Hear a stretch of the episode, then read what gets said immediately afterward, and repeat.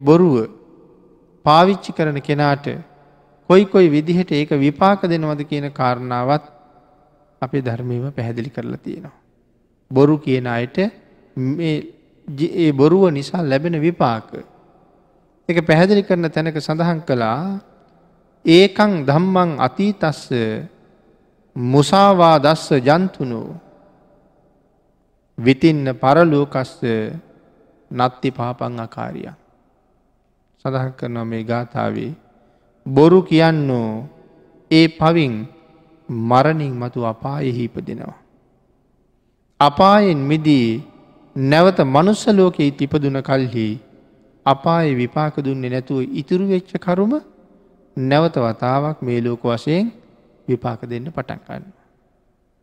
ආං ඒක හින්දා එක බොරුවකට අර ඉතුරු වෙච්ච අපි කියාපු එක බොරුවකට අපිට ආත්ම සිය ගණන් ජාතිවල නොකරපු වරදට වැරදිකාරයෝ වෙනවා.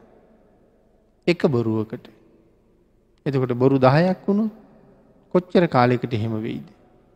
ඒ නිසයි සඳහන් කළේ එක බොරුවකට ආත්ම සිය ගණන්වල නොකරපු වරදට වැරදිකාරයෝ වෙලා හිරේ විලංගී වැටෙන්ට වෙනවා.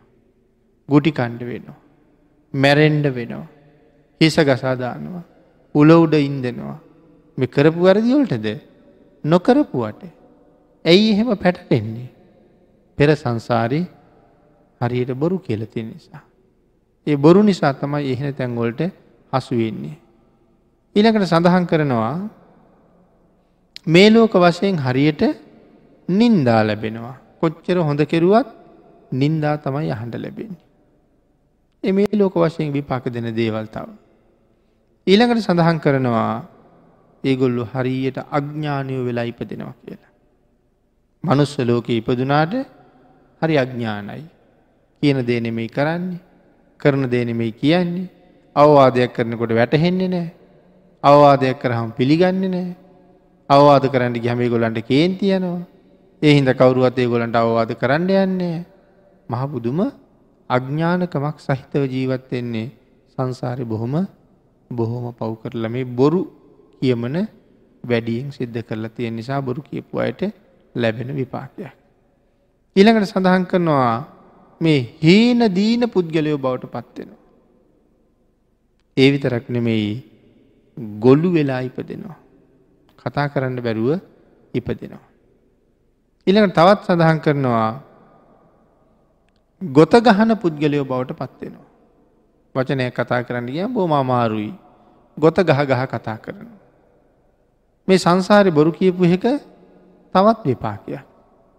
ඊළඟට සඳහන් කරනවා ඉතාම අමිහිරි කටග හඬ තියෙන පුද්ගලයෝ බවට පත්වෙනවා කියලා.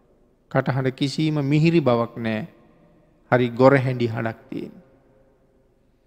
කටින් නිරන්තරයෙන් තවත් කෙනෙකුට ඉවසන්ඩ බැරි තරං දුර්ගන්ධයක් පිට වෙනවා. සාමාන්‍ය මිනිසුන්ගේ කටින් දුර්ගන්ධයක් පිට වෙනවා.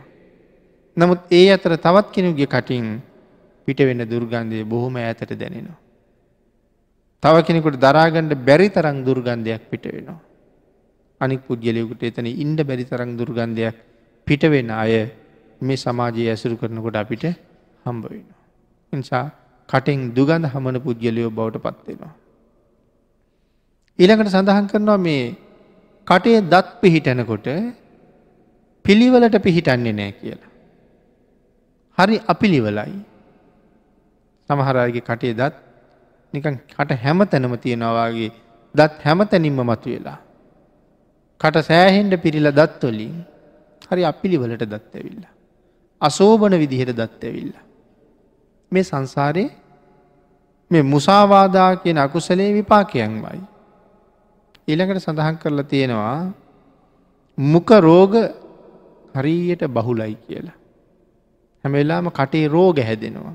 මුක රෝග බහුලයි.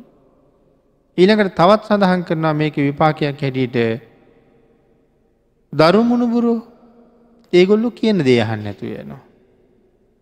දෙමවපියෝ කියන දේ අහන්න නැතුව දරු හරියට අකීකරු දරුව බවට පත්වෙනවා.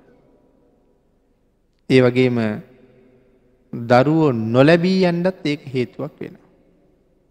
සංසාරය බොරු කියන එක දරුවෝ ලැබෙන් නැති වෙන්නත් හේතුවක් වෙනවා.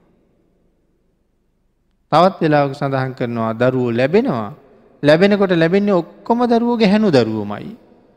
ඒත් සංසාරි බොරු කියප එකේ විපාක්යක්. ඊළඟට සඳහන් කරනවා ලැබෙතොත් ලැබෙන්නෙත් ගෑනු දරුවමයි. ඒගොල්ලොත් ටිකක් තේරෙන වාශරෙනකොට මව්පියන්ට ඉතාම අකී කරුම වෙනවා කියලා. එතකොට මේ කරුණු ටික බොරුකීමේ විපාක හැටියට ධර්මය පැහැදිලි කරලා තියෙන කාරණා ටිකක්. ඊළඟට සඳහන් කරනවා යමෙක් බොරු කියන්න නැත්තං එක කොයි තරං ශ්‍රේෂ්ඨද. අං එකට උදාහරණයක් හැටියට ධර්මය ගාථාවක් පැහැදිලි කරනවා මෙන්න මේ විදිහට.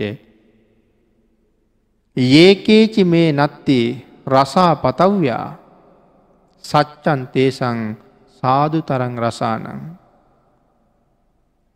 සච්චේටිතා සමනා බ්‍රාහ්මනාචය තරන්ති ජාති මරණස්ස පාරං.